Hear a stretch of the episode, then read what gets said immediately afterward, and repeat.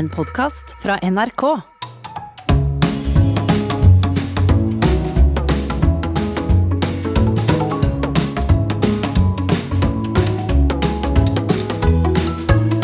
Hjertelig velkommen til Sånn er du her på NRK P2, hvor Nils Brenna og Harald Eia, det er meg, sammen skal komme til bunns i personligheten til profilerte norske statsborgere. Og i dag skal vi prøve å finne ut hvem du er, kunnskaps- og integreringsminister samt leder i Venstre, Guri Melby. Velkommen. Takk.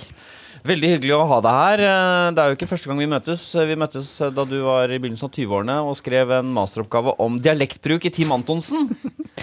Ja, ikke få meg til å hø- høres så nerd ut, da.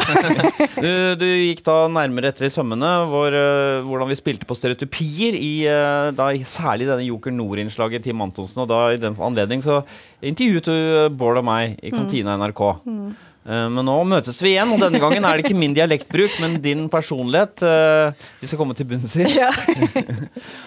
Da vi eh, lagde denne serien Sånn er Norge, Guri, om da det norske samfunn, så tenkte vi mye på USA og sammenlignet med USA. ikke sant? Hva er forskjellen mellom det norske og det amerikanske samfunn? Og en forskjell som var interessant, som vi aldri kom helt inn i, er, eh, og en forskjell som er interessant, er dette at mens toppene i norsk politikk stort sett er i 40- og 50-årene vi har jo ikke hatt en statsminister over 60 år siden eh, Trygve Bratteli på 70-tallet, og Erna som akkurat har blitt 60 år nå, da, så har toppene i amerikansk politikk ofte oldinger. Ja. Bare Tenk på valget nå, hvor Donald Trump, 74 år, tapte for 78 år gamle John Biden, som igjen hadde slått uh, 79 år gamle Bernie Sanders. Mens du er et typisk eksempel, norsk politikk. Du er da nå 39 år gammel, veldig få hadde hørt om deg, og så ble du minister og leder av Venstre. Og dette er veldig interessant. Veldig interessant. Så da tenker man, ikke sant, Hva slags personlighet skal til for å komme til topps i politikken i USA? Det er tydelig at har man jobbet i mange år, møte folk, være karismatisk, eh, være, en god selger, ha noen spesielle egenskaper. I Norge derimot, Guri kommer opp, ikke sant, Nils? Jobber anonymt i partiapparatet. Helt annen personlighetsprofil, selvfølgelig. En som svinger seg opp i disse små møtene. En arbeidsmaur. Så det er det vi lurer på jeg skal finne ut i dag. Eh, Det er det Min arbeidshypotese om deg, Guri, er at du er en lojal, pliktoppfyllende, litt sånn friksjonsfri type som vil opp og frem og jobber systematisk eh, for å få det til. Og ikke en sånn amerikansk som trollbinder forsamlingen med eh, retoriske, frekke grep og varme og sjarme.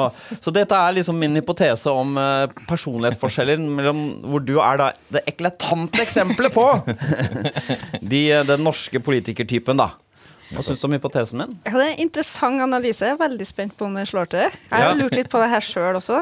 Om du, kunne slått, om du kunne gjort det bra i USA, f.eks.? Ja, ja, altså Jeg tror ikke jeg kunne gjort det bra på den måten jeg er nå, nei. Men det kan jo hende at jeg hadde lært meg til en annen måte å være politiker på, da. Hvis jeg hadde starta der. Ja, nettopp.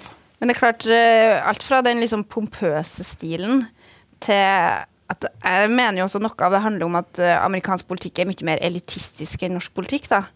Eh, at du må jobbe så lang tid for, eksempel, da, for å komme til de aller mektigste posisjonene. Det sier noe om at nettverk og penger, ikke minst, altså det å evne til å samle inn penger, har jo ganske mye å si. Ja, da, det da slipper jo jeg å holde på med. Ja, for da må du stå der og, og snakke og, sant, og smiske Ja. og så, Og det tar jo lang tid å bygge opp det nettverket som skal til, ikke sant? Eh, og det mener jeg at du ikke trenger i like stor grad i Norge. Her Nei. tror jeg det er litt mer sånn rom for at ja, hvis du er flink og du gjør jobben din, og du er liksom en ok person, så kan du lykkes, da. Og det kan gå ganske fort.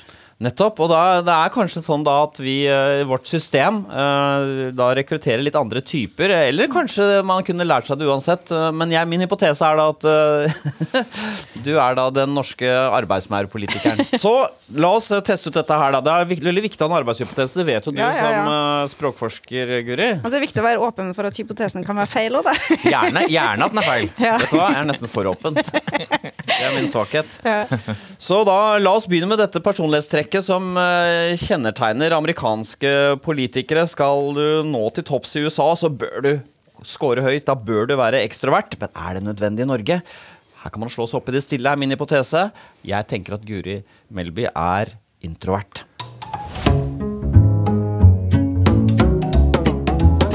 Ekstroversjon det handler om hvor mye du blir stimulert av den ytre verden. Uh, altså hvor reaktiv du er, hvor mye kick du får, hvor mye positive følelser uh, du får. Men også uh, hvor mye energi du stråler ut tilbake. Da. Og Vi begynner med denne underdimensjonen som heter aktivitet. Det handler om livstempo.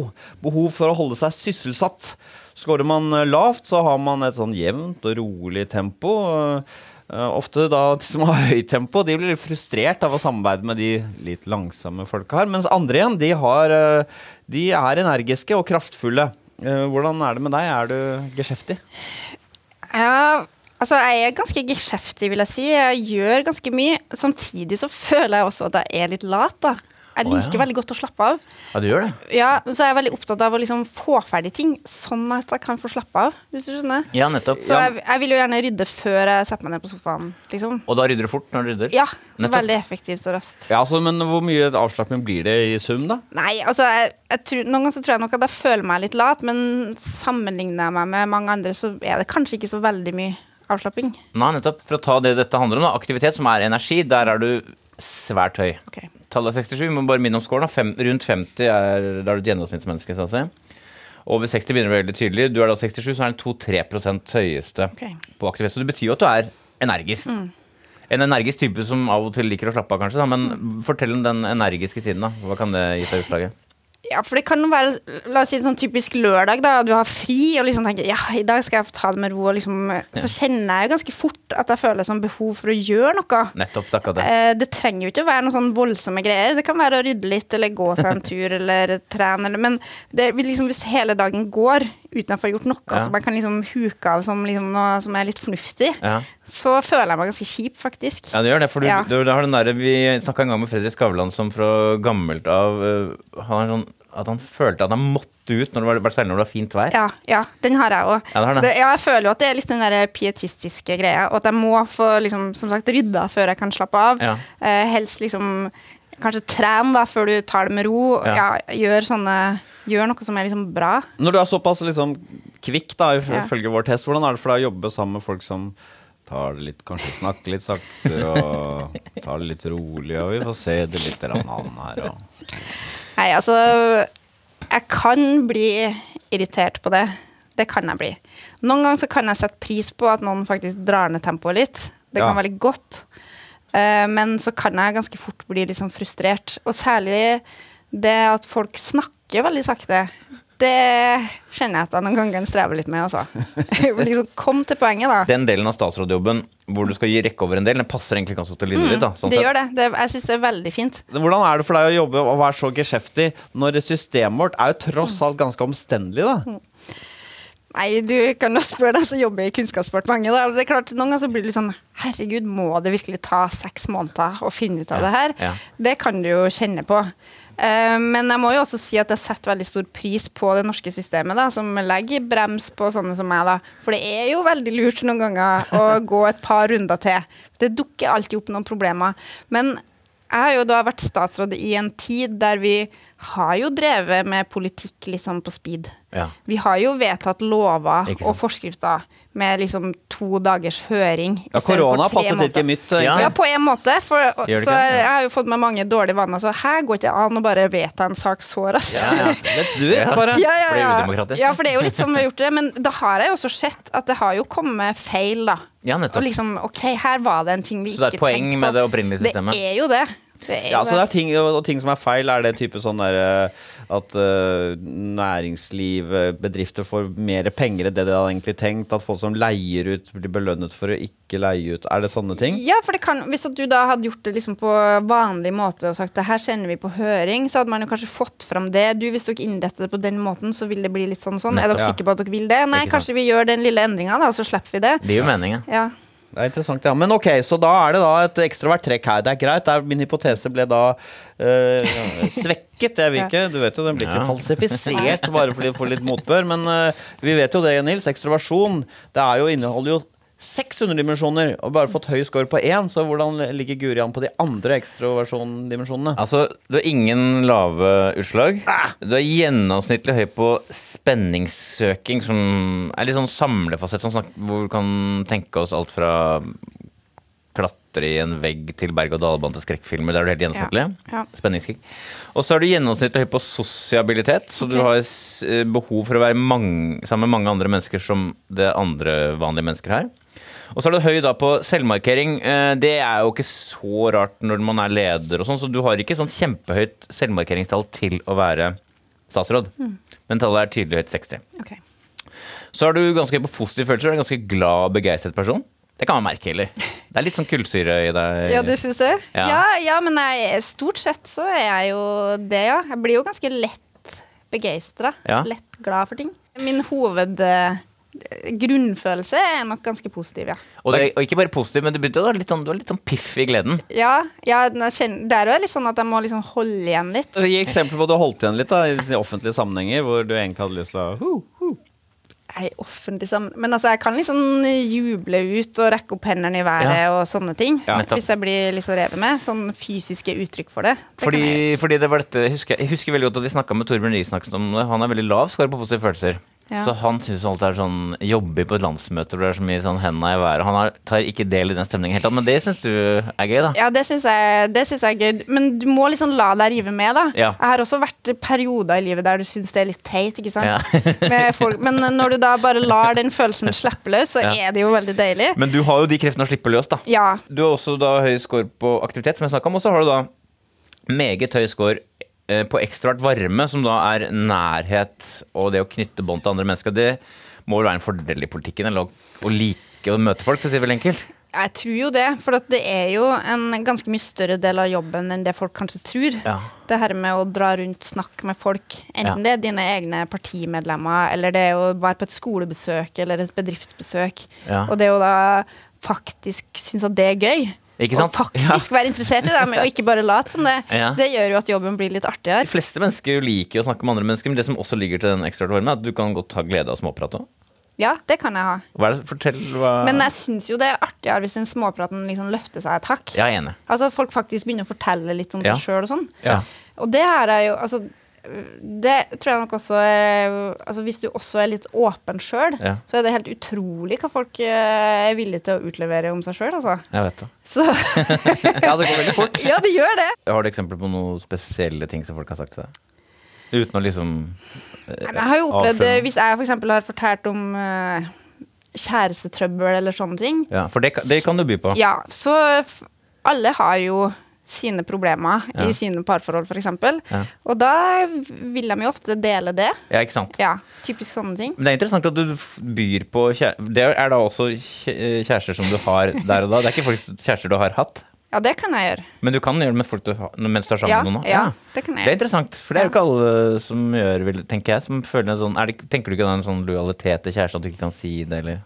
Eh, ja, men det tror jeg har mye med måten du forteller det på, da. Ja. Uh, jeg syns jo, jo ikke man skal snyk, snakke stygt om den man er sammen med, Nei. til andre. Nei. Men det er jo noe annet enn å fortelle om pro problemer man har. Ja, Som noe som dere to har eh, Hva skal jeg Ja, si, et er enige annet, om at Kanskje du er i en vanskelig situasjon eller et eller annet sånt. Og så er det jo grenser for liksom intimitet, da. Hva, eller grenser for hva ja. som tilhører bare parforholdets sfære, og hva som er Men det er interessant Greit. at man kan by på problemer fra kjæresteforhold. Det tror jeg ikke alle kan i en sånn prat. Så i sum på ekstraversjon så er, du, er tallet 61. Det betyr at du er eh, tydelig ekstrovert.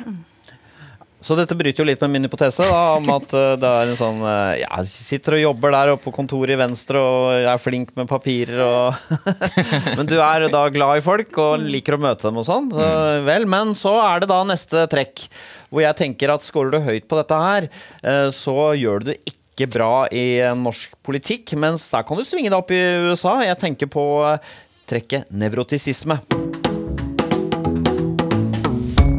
Nevrotisisme det handler jo om negative følelser. ikke sant? Eh, Det kalles iblant følelsesmessig ustabilitet. Og det går vel på det at du har lett for å gå ned i de negative følelsene. Og jeg tenker her på en fyr som Trump. ikke sant? Han har mye sinne i seg. Det har temperament, og det, og det bør på en måte en amerikansk toppolitiker ha. Du blir for blass. Mens i Norge du må ikke bli sint eller redd, eller du er alltid litt sånn jevn i humøret. Så min hypotese her er at eh, Guri scorer lavt på nevrotisisme. Vi begynner med den underdimensjonen under nevrotisisme som ikke handler om å være engstelig eller øh, ha, være sjenert eller, eller noe sånt, men det som ofte kalles temperament. Altså fiendtlighet er det tekniske betegnelsen. Det handler om hvor lett man lar seg irritere, om man blir frustrert, om man kan kjenne på bitterhet, uh, om man uh, lett lar seg liksom gå inn i den type agg, da. Ja, Eller om man er mer jevn i humøret. Man lar seg ikke bli ikke så lett frustrert. Hvordan er det med deg, Guri? Er du en som har den type temperament? Altså, jeg har jo definitivt kjent på alle de følelsene som du beskriver der. Eh, både litt sånn eh, at du kan bli sint og hissig og eh, irritabel og Får du høre det da fra andre at uh, du, du, du, du kan bli litt uh, Ja, men jeg tror det er, ikke, jeg, jeg, det er ikke så ofte sånn eh, jobbsammenheng og sånn. Tenker at det er kanskje litt mer eh, privat. Ja. Ja. At det heller eh, der tar det ut. Ja. ja, da slipper du deg løs. Ja, fordi Fordi det er noe som er der inne som slippes ut, og det er mest Ja. privat. Ja. Ikke sant? Fordi det- det. dette noe som er inni deg, har jo også øh, bidratt til å få et relativt høyt tall. Uh, 64. Mm. Overraskende høyt ut fra ja. Jeg tenkte at du var sånn som en sånn kule som bare gled gjennom systemet uten å bli Jeg, får jo, jeg har jo liksom opplevd at folk har blitt litt overraska hvis jeg har fortalt om at jeg har liksom uh, hatt et sinneutbrudd eller noe. Ja, du som er alltid blid og sånn. Ja. Nei, nei, jeg er ikke alltid blid. Nei, du har høye topper, men la Ja. sinte daler òg. Ja. Men hva er det som kan få deg irritert eller frustrert eller noe sånt? Da? altså, det er jo noe med Vi snakka om det i stad, og det her med altså, Hvis ting går for sakte eller Ja. sånne ting, at det liksom Da kan det bygge seg opp en sånn irritasjon. Det kan det. Eh, og da kan det kanskje også Hvis det skjer Jeg tror det må helst skje flere ting Ja. for at det liksom i sum skal bli Ja. noe. Det holder ikke med én liten ting. Det greier jeg å liksom Ja, men det akkumulerer, og Ja, når det kommer når et visst punkt. Ja. Du har også ganske lav score på, på føyelighet, eh, og det er jo det som avgjør om det kommer ut. Ikke sant? Så, som ligger da under medmenneskelighet. Og det er- ligger der fordi er om folk merker det om du er lav eller høy. Og fordi du har da agg i kroppen, eh, kall det litt enkelt ord. Og hvis du har lav følge, så skyves det ut. Ikke sant? Så Hva er eksempler på situasjoner hvor det er blitt skjøvet ut? Nei, men jeg tror det er sånn typisk Kanskje det har vært en dag på jobb der det har vært mange, litt sånn småirritasjoner. Hvis jeg da kommer hjem og det er litt sånn åh, her eh, flyter det av rot overalt og sånn, da kan jeg liksom komme med et utbrudd. Hva sier du da? Som er skikkelig urettferdig, da, siden det er jo ikke de menneskene som er hjemme der, som er dem som egentlig har påført meg stress. Ja. Nei, kanskje litt mer sånn passiv-aggressiv. At det kan liksom Å ja, det skal ikke være ryddig her hjemme. Nei, ja, sånn. Meningen, Å ja, det er her den skal ligge, den eh, Å, det var interessant. Votten oppi vasken, ja. Jøss. Ja, ja, Jeg legger alle vottene oppi jeg, da. Så det er tydeligvis der det skal Ja. være, da. Du er jo veldig mye rundt. Mm. Du, du møter mye folk. Og så du, Med denne kombinasjonen av ganske høy ikke super, ganske høy fiendtlighet og ganske lav følelse, så må det ha gitt noen friksjoner. Ja, det har det nok absolutt gjort. Det er klart at jeg har jo opplevd at det har vært um, debatter og sånn, der jeg da syns det er vanskelig å liksom holde igjen Ja, det gjør det. De Ja, da koker det. Ja, det gjør det. Ja. Men Hva har har du lyst til blitt å si da? Må du faen hold kjeft, ikke trekk inn Altså, hva vet du? Altså, ja, sånn? ja, du kan få lyst til å si sånne ting, Men- men, jeg har jo lært meg at det skal man jo ikke gjøre. Det er en del inni der, og så jobber du ikke, ikke hele tida, men av og til da, med å holde nede. ikke sant? Ja. Stort sett så går det greit. Ja. Men har det noen gang sprukket i politikken? sånn sett? Jeg, tror, jeg vet ikke om det har gjort det sånn utad, altså. Det Nei. tror jeg egentlig ikke. Uh, og jeg eh, For jeg har jo opplevd andre mennesker ha sånn raseriutbrudd på møter og sånn. Ja.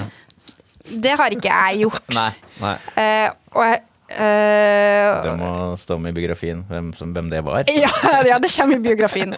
Uh, nei, men så, mm, så jeg er nok ganske flink til å i jobbsammenheng til å holde det igjen, altså. Kan du ha litt ujevnt humør? Ja, det kan Du kan være veldig blid, det vet vi, men du kan også være litt sur. Ja, det kan jeg være. Så samboeren din, han vil være enig i at han, han vil være enig i at du av og til er sur. Absolutt.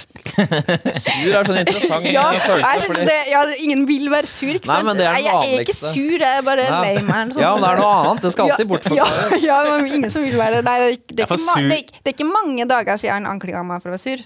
Og hadde han rett? Ja. Hva var, det, hva var det da, da? Nei, hva var det da? Ehm, du, jeg tror jeg da var, Men det er typisk sånn, da hadde jeg sikkert sovet sånn tre timer. Jeg har en sønn som er helt håpløs og vekker oss på natta. og sånn. Da starter du dagen med veldig lite å gå på. Ja. Og da hadde det vært sikkert litt sånn øh, irriterende ting i løpet av dagen. Du håndterer jo masse drit som partileder. Ja. Det er ikke noe tvil om det. Det er sånn der, å, KrF skal ut og være mot rusreform. og, eh, Det er masse sånn der hele tida. Du har jo mm, Det er jo ting som trigger deg hele tida. Ja, det det. Og da er det liksom når du kommer hjem, og du var ja, Jeg tror vi hadde liksom krangla dagen før, og så var det bare sånn der tørr melding sånn derre Ja, vi har nå spist middagen, og sånn, så bare det Er alt du har å si? Så bare sånn der. Ja. Du kan jo bli sur på andre politikere òg, sikkert. da Ja, det kan jeg bli. Er du sur på Abid Raja? Ikke nå, men jeg har vært det. det. Har det? Ja, det har jeg vært. Irritert på, I kanskje? situasjoner. Men jeg vil vel også si at det går ganske fort over, Ja, ja. det her eh, sinnet mitt. At, og, og så er jeg ganske flink til å beklage og si unnskyld. Ja. Eh, For det er, ofte, det, det er jo situasjonsbetinga. Så det vil jo si at hvis jeg da har blitt uh, irritert på Abid på et møte, så kan jeg jo fort si fra. Og, men så kan jeg også etterpå si eh, hvis jeg f.eks. gikk over streken, eller hvis det var unødvendig, Ja. så, så beklager jeg ofte det, da. Jeg har sikkert vært irritert på de fleste. ja. Har du vært sur på oss i dag? Nei, ikke ennå. Men det går veldig over. og Jeg jeg tenker ikke at det gjør at det er en person jeg ikke liker. Nei. Om jeg blir Nei, irritert på nei. den. Ok, Fordi, bare for å rydde det også, da. Du Mm. har jo høy score på ekstra, men du liker folk. Ja, og jeg forventer jo egentlig at folk gjør det samme tilbake. For Ja. jeg er en sånn person som sier fra, og da forventer jeg at folk gjør det tilbake. Og det kan skape litt konflikt. Jeg husker jeg var på ferie med en sånn venninne som ikke sier fra om noen ting. For jeg er litt sånn Jeg har lyst til å spise mat nå. Er det noen andre som har lyst på burger? Ja. Så sier jeg det. Ja. Så, og så er jeg veldig åpen for eh, Nei, kan ikke vi heller uh, ta noe kinesisk? Så kan jeg veldig ofte være med på det, men jeg tenker det er jo bare greit å si hva man mener. Så vet de andre hva de skal forholde seg til. Så folk som da ikke sier hva de mener, det kan jo bli ganske vanskelig. Ja. For at da føler de kanskje at jeg overkjører. Ja, men du kan men jeg må bare være litt pirkete på vegne av motstanderen din. Fordi du har jo veldig høy score på aktivitet, du er veldig energisk. Ja. Så du kan jo Du har jo en, en overkjørende energi. Yes, Det er mye trykk i deg, ikke sant? Ja. Ja, det, kan, jo- det kan jo være et utstråling i det som kanskje ikke du regner med. Absolutt. Så, så det er jo en sånn ting som jeg må være litt oppmerksom på. Men merker folk denne siden? Kan du være spydig, kan du være tydelig? Liksom? Er det sånn at folk merker Du kan det? Ja, det kan jeg være. Så du er på en måte da litt sånn hardere enn eh, det din arbeidshypotese skulle Ja, det er det. Det er riktig. Dette er mer temperament enn det jeg trodde var eh, gunstig. Hvordan er Guris profil ellers? Er hun nevrotiker? Ganske lite nevrotisk. Tallet er 42. eh, gans, ganske lavt, rett og slett. Du har lave scorer. Er det engstelse? Du er ikke så veldig bekymra. Du er lav på sårbarhet for stress. Du takler stress godt. Det er jo en fordel antageligvis som statsråd. Og så er du da lav på selvbevissthet, som handler om sosial angst og sånn. Det har du ikke noe særlig av. Nei, Jeg bare har spør. Når du har så lav engstelse, er det sånn at på en måte sånn, sånne ting som Ja, vi står overfor en eldrebølge, klimakrise. Så, så vet du det intellektuelt at vi står overfor det, men det er ikke sånn at du ødelegger nattesøvnen din. Nei, det gjør det ikke. Nei, ikke nettopp. nå, i hvert fall. Eh, Det var sånn som barn og sånn, så kunne det være litt mer sånn. Ja, men, det, Men det men nå? nei. Klimakrisen? Hvordan kjenner du Det- du kroppen? Nei, jeg blir ikke søvnløs av det, men hvis du går litt sånn ordentlig inn i det, så blir jeg jo ordentlig bekymra.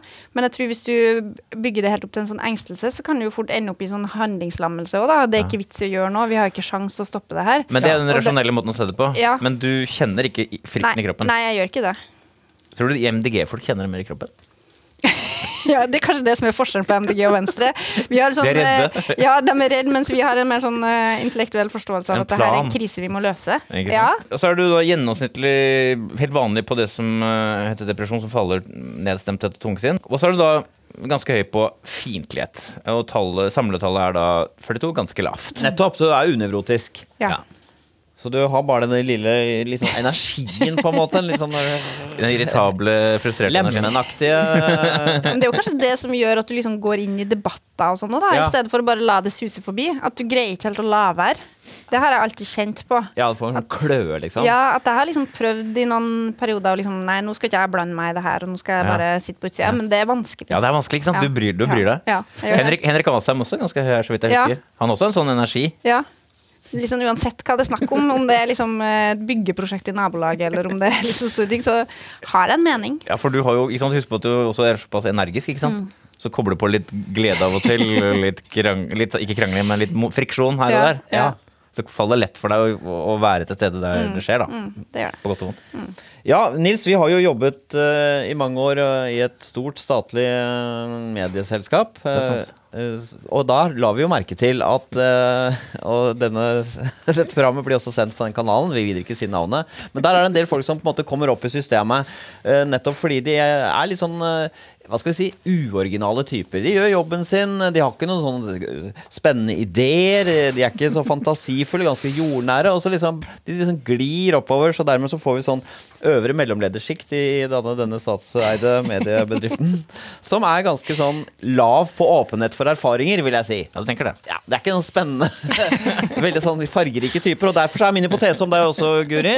Du er en sånn type som også ville gjort det bra i Jeg sier NRK, jeg nå. Jeg kan avsløre det. Eh, ganske lav score på åpenhet for erfaringer er min hypotese. La oss se om jeg har rett. Åpenhet for erfaringer, det handler da om nysgjerrighet på nye ting, ikke sant? Eh, er man da syns at noe er fryktelig vakkert, f.eks., eller syns det er spennende å forestille seg ting som ikke fins, teorier er, er, er fascinerende. Og vi begynner med denne fascinasjonen for skjønnhet, hvor mottagelig man er for kunstopplevelser. Skårer du lavt, så er man ikke så interessert i uh, estetiske verdier. Skårer man høyt, så fylles man opp av store følelser. Uh, for de menneskene finnes jo. Er du et sånt menneske, Guri? Jeg kan gjøre det, ja. Av de rette inntrykkene. Samtidig så kan jeg også gå inn på et eh, kunstmuseum og være ganske uberørt òg. Så det, Ja. det er litt sånn avhengig av Men du sier uberørt, kan du også være uinteressert? Ja, det kan jeg jo være. Nei, altså du har fått et uh, ganske lavt tall. 39. Så da må vi prøve å grave litt i det. Skal det sies at øh, et av scoopene i, i intervjuet med Audun Lysbakken var at også SV-lederen har lav score på estetikk, som man tenker er den ur-SV-aktige fasetten. Ja. Og det tenker man litt om Venstre òg, tenker Ja, jeg. det gjør man nok. Det betyr jo også at det, er ikke, det jo begrenser seg litt, da. Hva du er interessert av mm. kunst i ulike variasjoner. Ja, ja, jeg tror nok det. At det er litt mer sånn spissere på ting. At det kan være musikk, det kan være litteratur. Ja. Eh, men kanskje ikke, ikke sånn at all type kunst kan berøre meg, nei. Nei, eksempel en danseforestilling som du kan synes er flott, Harald. Ja, Ja. Absolutt. hva tenker du om danseforestilling? Nei, det kan jeg ha problemer med å få veldig mye ut av. Ja, hvorfor, Hva er det som ikke er så spennende med det? Nei, jeg tror jeg, bare- det bare Jeg skjønner ikke helt. Eh, Nei. det, nei, så det, det er kanskje min manglende liksom, forståelse for det. Hva skal det bety? Ja. Mens For du sånn som tolker det alt som en liten rebus. sant? Det det. Nei, men- Jo, men det men sånn som Hvis jeg leser i bok da, som liksom uh, taler til meg, så skjønner jeg jo liksom hva det handler om, og det spiller på noen strenger i meg og sånn. Eh, så da funker det, da. Ja, men jeg kjenner jo igjen akkurat danseforestilling. Så er det jo ofte sånn Du tenker jo for eksempel kommer en mann og en kvinne ut på scenen, og så dytter hun han så han faller bakover, og så reiser han seg opp igjen, og så, og så skjønner jeg aha, det er noen parforhold, og det er noe konflikt mellom kjønn. Og man tenker jo alltid Det er det det betyr. Hvor mange ganger skal dere si det, liksom? Jeg skjønte nå. ja. Har du kunst hjemme på veggene, f.eks.? Eh, nei, ikke noe sånn at jeg har liksom investert i noe Nei, for du har ikke det suget etter å få opp et kunstverk på veggen, for eksempel, Nei, da. nei, det er mer sånn Å, det der likte jeg, det der kan jeg Ja. ha, liksom, det passer fint inn her. Eh, Som politiker er du mye rundt og går for mye sånn kulturelle innslag. Mm. Er det litt kjedelig?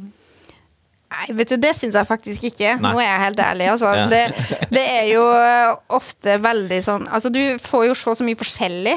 Kanskje litt søtt og sjarmerende? Ja, og folk byr på seg Ja, sjøl er og viser fram noe som de syns er viktig, da. Ja. Og det i seg sjøl er jo Det er sant.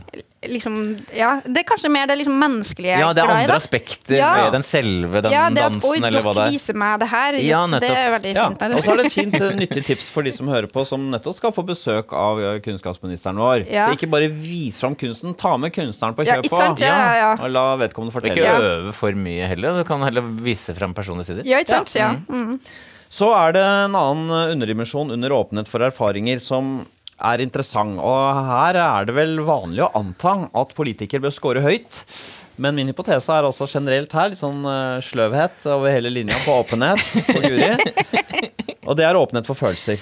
Altså hvor uh, mottagelig er man eh, for egne, men også andres følelser? Hvordan er det med deg her? Er du en sånn som er var på opptatt av følelser? Er det er jo ganske viktig for meg, i hvert fall. Ja. Eh, så jeg tror nok at det scorer sånn ganske høyt her. Det er riktig. Tallet er 62, som er tydelig høyt, egentlig. Det er en sånn nærmer seg 10% høyeste. Så en Mm. gruppe med 10, da, så er du den, sånn sett.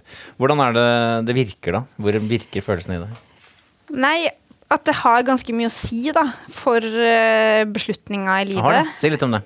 Ja, så liksom når du skal ta store livsvalg, da. Mm. F.eks. for eksempel vil jeg bli partileder i Venstre eller ikke. Det å liksom bruke litt tid på å kjenne etter, prøve å finne ut av hva egentlig følelsene sier deg. Men hvordan kan du stole på de følelsene? Jeg skårer lavt her, skjønner du. Ja. Du har en magefølelse, ja, men hvem vet om den er på rett spor? For det er jo bare du, det er jo eh, om å gjøre å bli litt god til å analysere seg sjøl, da. Og det er jo noe som man lærer seg mer og mer over tid. Eh, og som jeg merker en sånn kjempestor forskjell på å være 40 kontra det å være 20. Det å liksom lære seg og også greie å ta et skritt tilbake. For jeg vil jo si at det er ikke sånn at jeg handler veldig impulsivt eller bare følger følelsene helt sånn instinktivt. Nei. Jeg kan gjerne sette meg ned og liksom analysere det og tenke litt ordentlig gjennom det. Og liksom hvorfor er det her noe jeg ikke liker og sånn. Eh, og da blir det jo et veldig nyttig verktøy, Mm. for da kan du jo predikere litt hva det kommer til å ha å si for deg Men på lengre sikt. men det vi også lurer på, det er jo da som hvis, hvis La oss prøve å se det for oss. da. Hvis en følelse hos deg sier at dette er riktig, Mm. hvordan analyserer du den da? Eller hvis den sier det er feil, du kan Mm. velge selv. Nei, da må du jo prøve å gå litt sånn ordentlig inn i det, da. Hvis du kjenner liksom at det her kjennes feil ut, det her får jeg en sånn dårlig følelse av, så må du prøve å liksom ta det litt fra hverandre og finne ut av hva er det i det her som kjennes feil ut. Ja, så du, du, må være, du må ha et analytisk forhold til det. Mm. Fordi jeg tenker at noen kanskje er sånn at jeg har en dårlig følelse, da blir det Ja. ikke bra. Nei, sånn er ikke jeg. Nei, ikke jeg sant? tror jeg tar litt mer uh... Det er samspill mellom analyse og ja, følelser, egentlig. Ja, Da. Absolutt. Du har en litt artig kombinasjon at du er unevrotisk, men emosjonell, da, egentlig. Ja, Så det betyr at det, det blir ikke liggende, men det farer en del igjennom. ja, det gjør det. Ja, så Mm. du, det er en sånn I tillegg så har du jo da litt ujevne humøret. Det vil si du kan bli litt sur slash lei deg. Og Eh, glad. og glad. Ja. Ikke sant? Og glad. Ja. Så det er liksom det, det, det, er mye som farer gjennom deg, men det blir ikke liggende. Nei, Og det er det som forklarer for at du ikke er så høy på nevrotisisme. Ja, det, Det blir ikke liggende å plage deg, men det er, øy- det er der, de er der i øyeblikket. Mm. Jeg husker jo, jeg har jo en sånn kort karriere som byråkrat i Kunnskapsdepartementet, faktisk. Ja. Og da husker jeg vi tok en sånn personlighetstest der det var bare sånn fire dimensjoner. Ja. Og da var jeg liksom den eneste som scora på det med følelser. Altså det, var Ah. da det, det var vel sånn OK, jeg er åpenbart ikke byråkrat.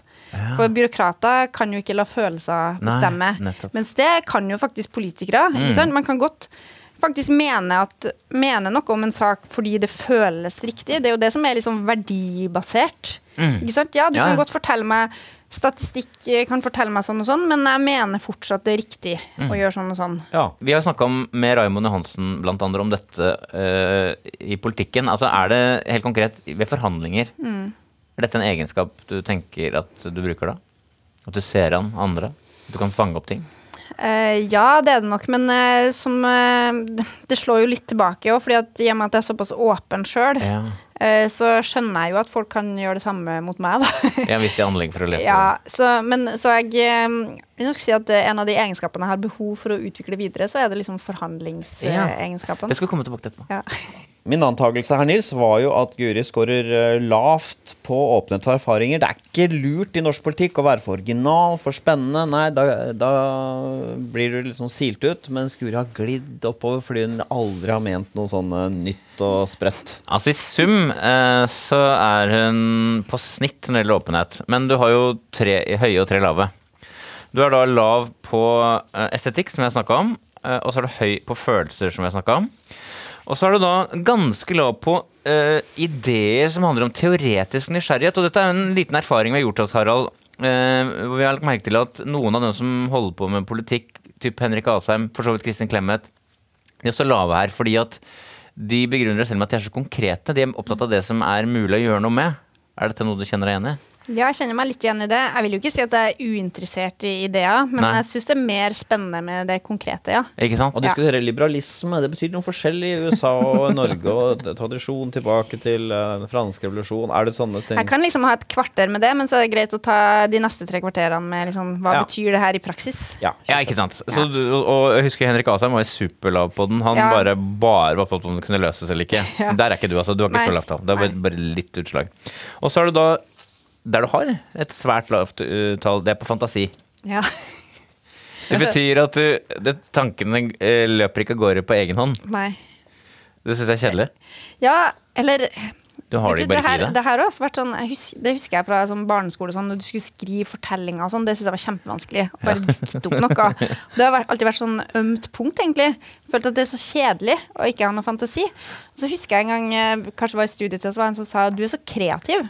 Tenkte jeg, å, for det har jeg alltid liksom kobla sammen med det å ha Ja. fantasi. Men så sa jeg at nei, det er jeg jo ikke. Men kreativitet kan jo være ganske mye forskjellig. Ja. Alt fra liksom det å greie å finne løsninger på noe som er vanskelig, Ja, og liksom tenke litt utafor boksen og sånn. Så når jeg skjønte at å ja, så det, liksom, det trenger ikke bare være det å finne på noe rart. Det kan liksom Nei, nei. være nei. Og det beste eksempelet på det er at Jon Almaas har veldig lav score på fantasi. Jeg tror nesten alle vil si at han eh, er kreativ. Ja, ikke sant? Men den tar jo utgangspunkt i noe Mm. konkret ofte. Ja, fantasi er jo egentlig sett litt ned på, sånn, eh, i hvert fall sånn komiskrivefaget. også- oh, ja. Fordi det kan bli offert for originalt. For, oh, ja.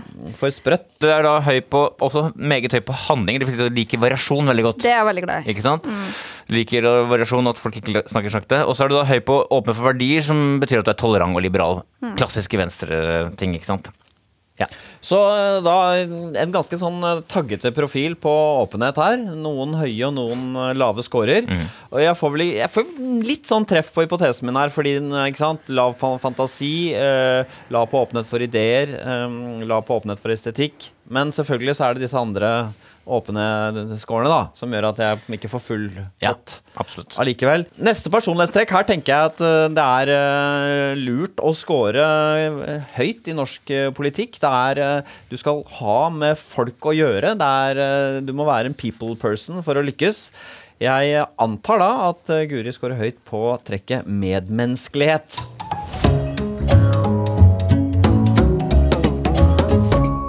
Medmenneskelighet det handler om hvordan man møter andre mennesker. Om man møter andre mennesker med åpne armer eller med piggene ute. Du har jo tidligere innrømmet at du ikke er så føyelig, at du gjerne tar en konflikt hvis det er det om å gjøre. Men medmenneskelighet handler om mye mer enn det også. Det er blant annet dette med rett fremhet. Det er en interessant underdimensjon som handler om hvordan man uttrykker sine meninger. Er man da tydelig?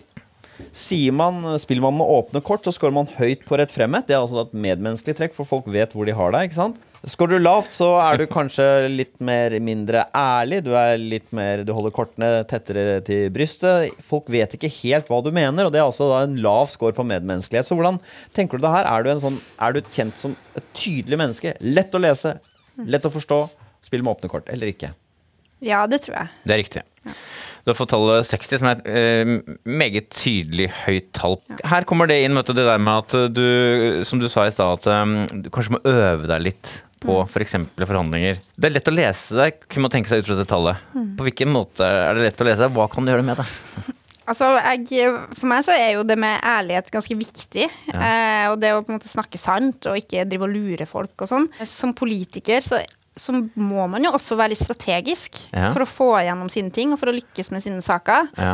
Eh, og det kan jo bety at det innimellom er lurt å liksom holde igjen litt, eller ikke akkurat si det og det og sånn. Ja, for de husker jo også at Anniken Huitfeldt har høy score her. Og hun hadde fått, fikk beskjed i sin tid av Jens Stoltenberg om å prøve å være litt mer taktisk. Ja. ja. Er dette noe, Kan du kjenne deg igjen? Ja, det er noe jeg kjenner meg igjen i, og kanskje noe som jeg øver meg på, da. Vi må jo først uh, si at dette er jo et såkalt medmenneskelig trekk, fordi Ja. Mm. at da vet man hvor man har vedkommende. Så man vet hvor man har deg, da. Ja, men et sånt eksempel altså, Da det var den her lederdiskusjonen i Venstre, så venta jo jeg veldig lenge med å si om jeg ville stille som lederkandidat eller Ja, ikke. det er Og det var jo mange som mente at det var litt sånn taktisk, da. Det Ja. noen som sa at det var veldig smart å vente Ja. med å gå ut med det. Ja, det er sant. Eh, så kom du liksom litt sånn i siste sving Ja. og feide de to andre av banen. Ja. Men det var jo ikke taktisk, det var fordi at jeg brukte den tida til å finne ut av om Ja. jeg ville, da. Du lyttet til følelsene og Ja, jeg satt der og analyserte følelsene mine. Ja. Uh, så, det, eh, så jeg skulle jo gjerne ønske jeg kunne sagt ja, det var et lurt taktisk Ja, det var ikke det, nei. Nei, det var ikke taktikk. Så hvor sikker eller usikker var du på å ta den jobben? Nei, hvis du bikker over 50% så er du sikker nok, da. Ja, men det var så vidt over, eller? Men det er jo sånn type valg som er sånn 60-40, kanskje, da. Ja, det var ikke 90-10, liksom? Nei, det var det ikke. Bare for å minne om tidligere Du har ganske høy fiendtlighet, du har ganske lav føyelighet, og så har du i tillegg ganske høy rettfremhet. Har det skapt noen problemer for deg? Denne Ja, men jeg har jo tidligere også sånn i partisammenheng blitt oppfatta og kanskje være litt for sånn hard og Ja. litt for tydelig. Og litt For er jo tydelig ja, også, ikke sant? Ja, og at jeg har liksom tatt noen tøffe kamper og liksom Ja. Eh, Men så er det kanskje liksom, Det er jo noe med det å bli mer voksen, at du blir litt sånn eh, filt av i kantene, da. Ja, litt. Eh, Så det har jeg nok blitt. Men hvordan er det på, på en måte det flørte... Det er ofte når man skal treffe en partner, og det helt flørtegreiene er ofte sånn indirekte, man er ikke helt tydelig. Man sier jo ikke sånn 'jeg liker deg veldig godt'. Man kanskje er litt kokett, man, ikke sant. Hvordan er du på det når du er så åpen og Jeg er veldig dårlig på det. Ja, det er sånn typisk sånn film, og sånn hører du folk skal vente liksom tre dager før de sender en melding og sånn.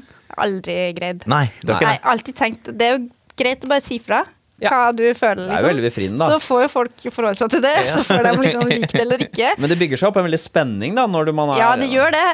Jeg er alltid sånn misunnelig på de folkene som greier å bevare sånn mystikk. Det er skikkelig dårlig på. Ja, så mystiske Guri, det har Nei, du aldri den blitt har jeg har aldri greid å få Til til. nød sammensatt, men ikke mystisk. Ja, ja, sammensatt, men ikke mystisk. Det er riktig. Ja, så Hvordan er det med Guri i samleskåren her? Er hun et, med, en som møter mennesker med åpne armer, til tross for at hun, vi vet hun er litt eh, lite føyelig? Så det er den ene lave scoren du har. Og så har du gjennomsnittlig høy på altruisme, og det kjennetegner vel folk som har veldig mye å gjøre, at de, de, de er jo litt egoistiske, ikke sant. Men du er ikke så mye at det gir deg et utslag. Men du er ikke veldig høy heller, selv om det muligens ligger i din natur og vil hjelpe hjelpsom, så har du kanskje ikke tid til det, hva vet jeg. Nei, det er nok riktig. Og så er du svært høy på tillit, så ikke bare er du lett å lese, men du er også lett å lure, holdt jeg på å si. Ja.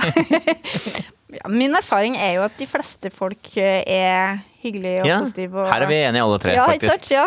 Det er det norske samfunnet. Altså, det er jo det viktigste i det norske samfunnet. Det er tilliten. Det at, altså, her en dag jeg skulle liksom eh, kjøpe ski da, brukt til sønnen min, og dama bare satt det fra seg på trappa, og jeg vippser, vi møtes ikke engang. Nei. Og det går jo fint i 99 av 100 Det er genialt. Det er Og da får det nesten bare gå på en smell en gang iblant. Ja, for det er verdt det. Ja, det er det. Og så er du da høy på rett fremhet, som vi har snakka om, ja, og følsomhet, som rommer empati og litt det der å la seg liksom berøre av um, ulike ting. Da. Og der er du også ganske høy, så du, du er ikke liksom avstumpet, sånn sett.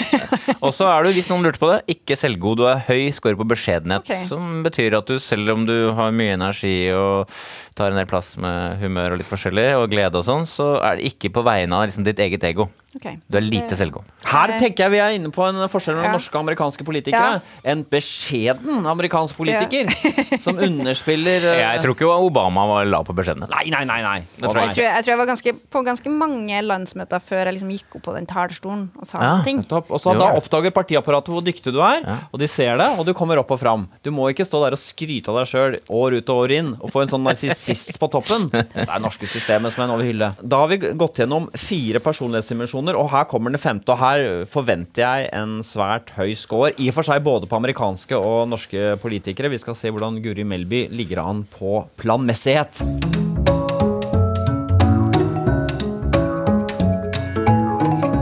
Planmessighet det er dette personlighetstrekket som gir deg en vilje og drivkraft til å prestere for å oppnå sine mål.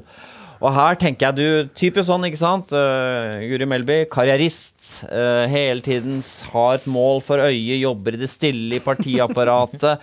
mange små skritt. Arbeidsmauren. Og vi begynner med denne underdimensjonen som heter prestasjonsstreben som handler om i hvilken grad man drives av egne prestasjoner. Det betyr at scorer du lavt, så er man ikke så opptatt av å lykkes. Man eh, kan oppleves som litt sånn planløs. Man liksom surrer rundt og holder på. Nei, jeg synes dette, jeg har ikke noen spesielle mål her. Men skårer man høyt, så eh, jobber man hardt for å nå målene sine. Ja, og ambisiøs er man ofte da, ikke sant? Ja, da er man rett og slett ambisiøs. Hvordan tenker du der? Er du utprega sånn uh... Ambisiøs? Altså, jeg vil jo si at jeg jobber hardt, men jeg har aldri hatt et sånt klart mål som jeg jobba mot. Nei, og vil du kalle deg selv ambisiøs? Nei. Nei. Det er det- er, det var litt artig dette her. Eh, altså, det, det, vi har jo tatt med tall her som vi vanligvis ikke tar med, fordi det er sånn midt på treaktig, Ja. men det er toucha lavt, 45. Eh, men det er i hvert fall ikke høyt. Nei. Altså, det er veldig få som eh, melder seg inn i Venstre for å liksom få en karriere i politikken. Husk på at eh, jeg har jo jobba med politikk eh, sånn, eh, siden jeg var 19, men eh, i de første 15 årene så var det jo som en sånn hobby. Sånn ved siden Ja. av jobb og sånn. Som Nettopp. sånn kommunepolitiker. Så hvis folk spurte deg hva er, det, du- hva er målet ditt med å være med i politikken, hva ville Nei, svart? det var bare for at jeg syntes det var spennende. Ja. Jeg, Og jeg var jo hele tida veldig opptatt av at jeg måtte studere, jeg måtte bli ferdig med masteroppgave, jeg måtte jo ha en jobb. Ja. For politikken var jo ikke noe Jeg så ikke på det som noe karrierevei. Nei, for du kunne ha forblitt i departementet, egentlig. Ja, eller eh, da, etter det så jobba jeg på høyskolen da, i Oslo og Akershus, het det da. Nå heter Ja. det Oslo Met. Ja. På lærerutdanning der, og syntes det var kjempegøy. Ja. Veldig bra jobb. Eh, så sånn sett så, så jeg kunne like godt ha hatt et mål om å liksom skrive doktorgrad og bli Ja. professor og sånt. Ja. Men jeg hadde egentlig ikke sånn veldig tydelig mål om det heller. Jeg bare Nei. har liksom gjort det jeg syntes var gøy, da. Kan du se politikere som du ser og merker er ambisiøse, og har en sånn type kraft som du selv ikke har? Ja, det tror jeg nok. Det tror jeg jo du ser i alle yrker og alle bransjer, egentlig. Ja. At det er noen som har mye sånn tydeligere målsettinger. Hva er ditt forhold til sånne folk? Nei, jeg kjenner meg ikke så veldig mye igjen i det, da. Nei. Hvem er det, for eksempel? Abid Raja, selvfølgelig. Men kanskje flere som er litt Abid Raja har jo vært her og fått målt ambisiøsiteten. Ja, men han er jo åpenbart veldig sånn som Ja. setter seg høye Ja. mål, og som Ja. også har lyktes veldig godt i å nå dem. da Mm. Så for han har jo det funka kjempebra, Ja, egentlig. Eh, Men eh, jeg er nok litt motsatt fra det, ja. Og hadde du spurt meg bare for et år siden om liksom vil du bli partileder i Venstre, så tror jeg jeg hadde sagt nei, det vil jeg helst slippe. Ja, nettopp. Mm. Fordi det, den, den der kraften der som noen har, den er litt sånn at det er et eller annet sånn De må, akkurat de må gjøre noe i retning av noe, men den har du ikke hatt, da. Nei, det har jeg ikke. Så det er nok noen andre ting som driver meg til å Jeg har jo Hva da? Jeg liker veldig godt å få til ting. Ja. Eh, og få til ting bra. Det husker jeg også fra sånn skoletid og sånn. At noen ganger, jeg så dem som bare Nei, ah, jeg bare leverte inn et eller annet her, jeg orker ikke å jobbe noe med det. Og så prøvde jeg noen ganger å gjøre det. Men jeg greide ikke. Jeg ble Nei. liksom sittende og prøve å gjøre det bra. Så, så for hver eneste enkeltoppgave jeg gjør, Nettopp. så har jeg ofte ambisjoner. Ikke Ja. sant? Jeg har lyst til å gjøre den bra. Ikke sant? Du Eh, sikter ikke langt fram og setter deg nei. store mål. Men jeg har lyst til å løse det her bra. Drivkraft, Mm. det har du ikke, det, egentlig. Ikke sånn type drivkraft som i form av å ha ett mål og så jobbe mot det, nei. Jeg syns jo det er veldig gøy å prøve nye ting. Det er liksom den derre åpenheten. Ja, ja. åpenheten. Du jo høyt på det er variasjon. Ja. Så oi, liksom få en mulighet til en ny Mm. oppgave. Kjempespennende å prøve det. Ikke sant? Variasjon og Ja. energi har du jo. Ja. Ikke sant? Så det er jo mange Og så ting som heller trekker i ikke så veldig redd for å ikke lykkes. Nettopp. Ikke så redd for å mislykkes. Så det kan bare, jeg tenker ofte sånn, ja ja, hva er det verste som kan skje? Sånn som bli partileder, da. Jeg Ok. Hvis jeg syns det er helt forferdelig, jeg kan jo trekke meg etter to år og få noen andre til å ta over. Det er jo ikke verre enn det. For å avslutte, så du kan Du har vært inne på det tidligere, du har høy score på aktivitet, mye energi, Mm. men du sa også at du kan også være litt lat, og det ligger litt i dette her. Ja. Du, føler, du har ikke anlegg for å bli arbeidsnarkoman, strengt tatt. Nei, nei, jeg har ikke det. Altså. Selv om du har høyt energinivå. Ja. Interessant kombinasjon. ja. Jeg husker jeg snakka med ei venninne om det her òg. Vi var enige om at det var en veldig god egenskap å ha når du har sånn krevende jobber. Det at du innimellom liksom OK, i kveld burde jeg egentlig forberede en sånn presentasjon til i morgen. Men jeg har veldig lyst til å se den der Netflix-serien som akkurat har Ja, begynt på. nettopp. Og så bare gjør du det.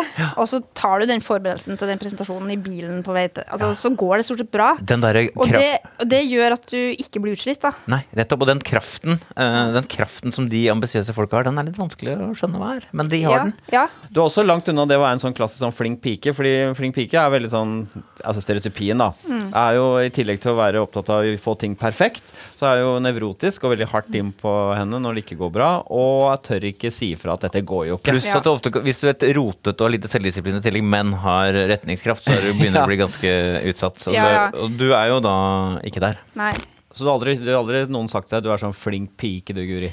Nei, jeg har nok hørt det, men da har jeg tenkt at de kjenner ikke meg. Så Nei. det, Og de, og de kjenner ikke til innholdet i begrepet heller. Nei, men jeg har jo hatt tendensen eh, til å bli veldig sånn eh, jobbe hardt med ting og sånn. Men det, det har jeg jo Jeg husker en gang jeg skulle på et sånt Civita-seminar og snakke om et eller annet tema. Og jeg hadde jo sittet et par kvelder og forberedt meg sånn, for da var jeg jo litt sånn fersk. Og, Ja. ja, og så kom jeg på det møtet, så satt Audun Lysbakken ved siden av meg, og så så jeg at han bare rabla ned noen sånne stikkord. Og så gikk han opp og holdt et sånn ti minutters foredrag. Tenkte jeg, Sånn skal jeg òg gjøre neste gang. Jeg skal ikke bruke disse kveldene på å forberede. For det blir jo helt greit, Ja, ja, ja. det han gjør òg. Ja. Kanskje mitt innlegg faktisk var litt bedre, Ja. men hva har det å si? Det er ikke verdt det, liksom. Nei, det er ikke verdt det. Så det har jeg lært meg veldig. Så jeg er ikke perfeksjonist i Nei. det hele tatt. Nei, interessant. Så er det en side ved planmessighet, en underdimensjon eller fasett, som kalles for orden, og som eh, de fleste tenker på når de hører om planmessighet. Og det er da evnen til å være metodisk, strukturert og ryddig. Hvordan er det med deg og ryddighet? Jeg er ganske ryddig. Du kan sløyfe ganske. Du har fått uh, tallet 71, som er svært høyt. Teoretisk sett innenfor 1 høyeste.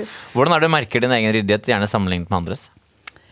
Nei, alt fra liksom i måten jeg jobber på, måten jeg organiserer dager på, Ja. og planlegger ting frem i tid. Jeg har jo liksom aldri opplevd at jeg sitter og jobber på spreng i siste liten. Nei. Jeg er alltid liksom ferdig i god tid før Altså ha plan, liksom? Ja, så når jeg skriver da masteroppgave, så har jeg liksom planla de siste ukene, passa på at eh, jeg hadde litt tid etter at jeg skulle få tilbakemelding fra veilederen min, så jeg kunne skrive om å ha litt tid til å ha tekniske problemer og Ja, sånn. sånn. Så jeg endte jo opp med at jeg ble ferdig liksom ei uke før tida. Ja, nettopp. Ja, det Og siden jeg da er ikke er perfeksjonist, så bare leverte jeg da. For jeg tenkte det her er ikke noe mer å kna på. Kan bare levere den. Så da tok jeg ei uke ekstra ferie. Det er litt den latskapen også slår inn. Da fikk jeg uke ekstra ferie. Ja, men er? Du er jo strukturert og ikke perfeksjonist, og da kommer du jo i en god tid, da, Mm. Ja, si får, sånn. ja, men det fine med det er at du får gjort masse. Ja. Strukturert, ikke perfeksjonist. Da får du gjort Og, masse. og veldig energisk, bare for å ta det også. Ja, ja. Det er perfekt. Og det er veldig greit når du er statsråd og partileder, å ha den komboen Har, der. har, du list, har du sånn to do-lister og sånn, eller? Eh, Av du, natur, det er veldig Av- deilig nå at nå har jeg sånne rådgivere sånn som har to do-lista. eh, ja, så- men- Ja, men ellers- ellers så har jeg jo det. Jeg har jo pleid å ha det. Ja. Eh, og jeg har, prøver jo også å ha det ryddig rundt meg. Men det er jo en av de tingene som jeg strever litt med, da, for jeg har jo litt for lite tid Ja. til å rydde. Du liker, men du, hvis, du, hvis du har liksom eh, åpen eh, dag, eh, og da rydder du gjerne Det, litt. jeg kan godt liksom si at denne søndagen her er dedikert til å rydde oh, i liksom, klærne til ungene eller sånn. Det kan jeg, og det, jeg syns det er slitsomt, og det er litt sånn strevsomt, men vanvittig tilfredsstillelse etterpå hvis du ser i skapet og alt ligger Har du brettekanter og sånn, eller? Ja. Det. Helst har jeg det, men ikke helt, fordi at det sklir jo litt ut. ikke sant? Jeg har det Ja. travelt og røsker et eller annet ut og sånn. Ja. Eh, Så jeg får ikke helt gjennomført det, men aller helst så skulle jeg hatt det. ja, det skulle det. Mm. Hvordan er det for deg å være på hyttetur med masse andre folk som har litt ulike standarder? Eh, nei, det kan jo det kan jeg slite med. Jeg har jo bodd i kollektiv i Oi. perioder, eh, og det syns jeg også kan være ganske Hva så du der av andre folk? Hva de drev med liksom på ryddighet og orden? Ja, nei, Du ser jo at det er veldig stor forskjell, da. Eh, og det er jo veldig fascinerende, det er akkurat det her med ryddighet. At eh, noen på en måte ikke ser det, ikke lar seg affisere av det i det hele tatt. Ja, for jeg eksempel, kjenner- jeg lukker ikke igjen skap når jeg har vært og henta noe. Nei, Det er for meg helt uforståelig. For du skal, da slipper du å lukke opp neste uke. En kopp, en kopp skal du ha kanskje en gang i timen. Det er ikke så lenge til. Nei, nei, men for, nei, det jo liksom eh, Ofte vi, Jeg har jo sånn skyvedørgarderobe inne på soverommet, og jeg syns det er veldig fint å sette de dørene på plass før jeg legger meg. Ja. Sånn at jeg slipper å se inn Du skapet. reiser opp fra senga hvis du Jeg ser kan Jeg kan godt gjøre det, ja. Det kan jeg gjøre. Men er det sånn, har du funnet noen sånne Jeg husker jo at Trond-Viggo Torgersen fortalte at, som jeg synes var veldig fascinerende, at han eh, hadde kommet på at han kunne ha én nøkkel eh, som gikk overalt. Både til leilighet og til hytte. Altså, er, har, du noen, har du noen Ja, løsninger sånn, som er sånn sånn life hacks. Ja, har du noen Ja, sånne men du, det var jo veldig smart, da. Eh, bare Men jeg må Jeg tror nok at jeg har en sånn slags ambisjon om å være mer ryddig og ordentlig enn det jeg greier å være. Ja. Jeg tror liksom livet mitt er litt for fullt akkurat nå. Ja. Så det skjer jo at jeg liksom kommer hjem, og så hadde jeg ikke med meg nøklene, og så får ikke jeg låst opp og sånn. Ja. Det skjer jo. Men eh, jeg husker en gang så hadde jeg en sånn veske som hadde en egen sånn dings hvor du hang nøkkelen på, sånn Å, ja. at du liksom slapp å rote etter den. Oh, ja. Det var sånn veldig fint. Ja, sånn hang veldig godt, sånn knagg på ja, veskehåndtaket, sånn liksom. løsninger, Ja. Og jeg prøver jo så godt jeg kan hjemme at ting har sin faste plass. Ja. Men jeg opplever jo at jeg blir motarbeida ganske Ja, kraftig. fordi det er jo sannsynlig at du med den scoren eh, bor sammen med noen som ikke er like ryddig. Ja. Det er ganske sannsynlig. Ja, det, og det gjør jeg. Det var, jeg hadde en samboer før som var tror jeg, like ryddig. Ja. Det var veldig fint. Ja, det var det. Ja, det var godt. Du kan være ærlig på det. Ja, det var godt. Ja, veldig godt. Så når du gjorde det slutt, så var det ikke pga. rot. Nei, det var ikke pga. rot. Har du alfabetisert bøkene? Nei, så, så langt har ikke jeg gått. Ja, det har jeg gjort. Ja, har du det? Har du det? Ja. Nyttig det, når du skal argumentere for et eller annet. Det ja. vet jeg er blitt sagt av eh, Men jeg, har jo, jeg, ser jo. jeg ser jo at det finnes mennesker som skrur det opp noen hakk lenger enn det jeg gjør. Altså. Ja. Har du handlelapp når du handler? Ja, her sånn på mobilen. Ja, det det, det er en smart ting da, og hvis du bor sammen med noen. Vi Ja. har en sånn eh, som du deler, sånn at vi kan legge inn begge to. Altså den som da handler, som jo nå veldig sjelden er meg, men kan på en måte bare handle det. Ja. Så den handlelista kan jeg jo liksom jobbe med hele tida. Men skriver du, ned, private ting i ka- felleskalender òg? Ja. Ikke sant? Det Så det er har jeg en felleskalender og en jobbkalender. Har du Excel-ark du fyller inn med ting? Nei Jo, jeg har sånn eh, julekortliste Ja. og sånne ting. Excel-ark, sånn at jeg passer på fra hvert år at det blir de samme folka får julekort. Ja. Ja, det har det. Jeg har det. Ja, dette, dette er strukturert. Dette er strukturert. ja, så det her er det noen høye scorer, riktignok. Litt sånn lavt på prestasjonstreben, men ikke sånn griselavt. Men skyhøyt på orden, Nils. Hvordan er det? Er Guri planmessig? Ja. I sum så er du tydelig planmessig. Eh, tallet er 61. Eh, også til tross for litt lav score på prestasjonsstreben, så får du et eh, ganske høyt tall. Og du har da det eneste utslaget av noe lavt, er da den prestasjonsstreben som rommer det ambisiøse. Så har du gjennomsnittlig høy på betenksomhet. Det er, betyr at du kort fortalt er verken spesielt ubetenksom eller spesielt eh, omstendelig. Det er gjennomsnittlig i forhold til plikter. Eh, og så er du høy Svært høy på orden, som vi har snakket om. Du er også svært høy på selvdisiplin, altså evnen til å stå i det kjedelige. Sånn, da, da, det ser vi Selv om du ikke er så voldsomt, voldsomt ambisiøs, så er det strukturert. Du gjør kjedelige ting. Og så har du høy score på det som heter kompetanse. Som betyr at du også gir deg et sky fordi du tror at du kan få til ting. Ikke sant? Så i sum planmessig. Da har vi gått gjennom alle fem dimensjonene dine, Guri. Nå skal vi prøve å oppsummere, og da også forsøke å se på min hypotese. Hvordan har den stått seg? Er eh, Guri selve kvintessensen av denne grå, fargeløse norske politikertypen? Herlig, herlig hypotese.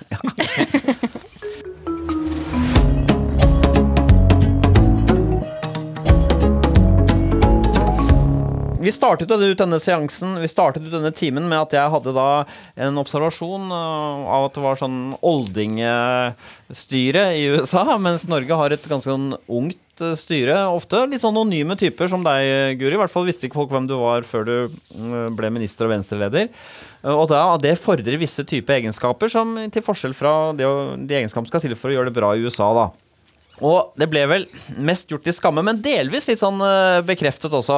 Eh, For min hypotese var at det var sånne fargeløse flinkiser som er veldig ordentlige, men eh, det er ikke helt riktig. Du er, du er eh, For det første har du temperament, du kan bli frustrert. Og så er det det at du er såpass åpen uh, både for følelser, men også at det er så lett å lese. Som jeg syns er en interessant, uh, interessant egenskap, og som sikkert noe som har gavnet deg også. At du, folk stoler rett og slett på et menneske som deg, for du spiller med åpne kort. Så er du selvfølgelig da geskjeftig, du har enormt med energi, og så har du denne ekstroverte varmen, og generelt en høy score på medmenneskelighet, eh, som jeg syns er eh, interessant. Det er en egen type sånn, ikke overfladisk sjarme som skal til for å slå øh, få det å gjøre det bra i Norge, Nils, men kanskje mer en sånn en genuin sånn kjærlighet Ja. eh, til folk. en, mens en menneskevenn. Ja, så det er ikke sånne mm, salgsfolk som gjør det bra i Norge. Det er en Men- robust og inderlig menneskevenn, liksom. så, Som kan gi litt motstand. Ja da, ikke minst. Som, eh, så dette har vært interessant å, å høre om. Også det at du, har vært så, at du har så reflektert forhold til hvem du er, at du har tenkt gjennom det. Det er ikke alle som har. Du har jo en relativt klassisk eh, leder, lederprofil. Ikke sant? Unerotisk, ekstrovert, medmenneskelig, planmessig og, og gjennomsnittlig åpenhet. Du, Dette har vært en glede og veldig interessant. Lykke til videre. og Vi skal følge deg. og Det er synd at ikke Amerika har sånne toppfolk som deg. Enig. Eh, Spørsmål, Kommer du til å prøve å bli litt mer taktisk? Ja. Ok, Vi kan grue oss, glede oss. ja det vil jeg prøve. Takk for nå.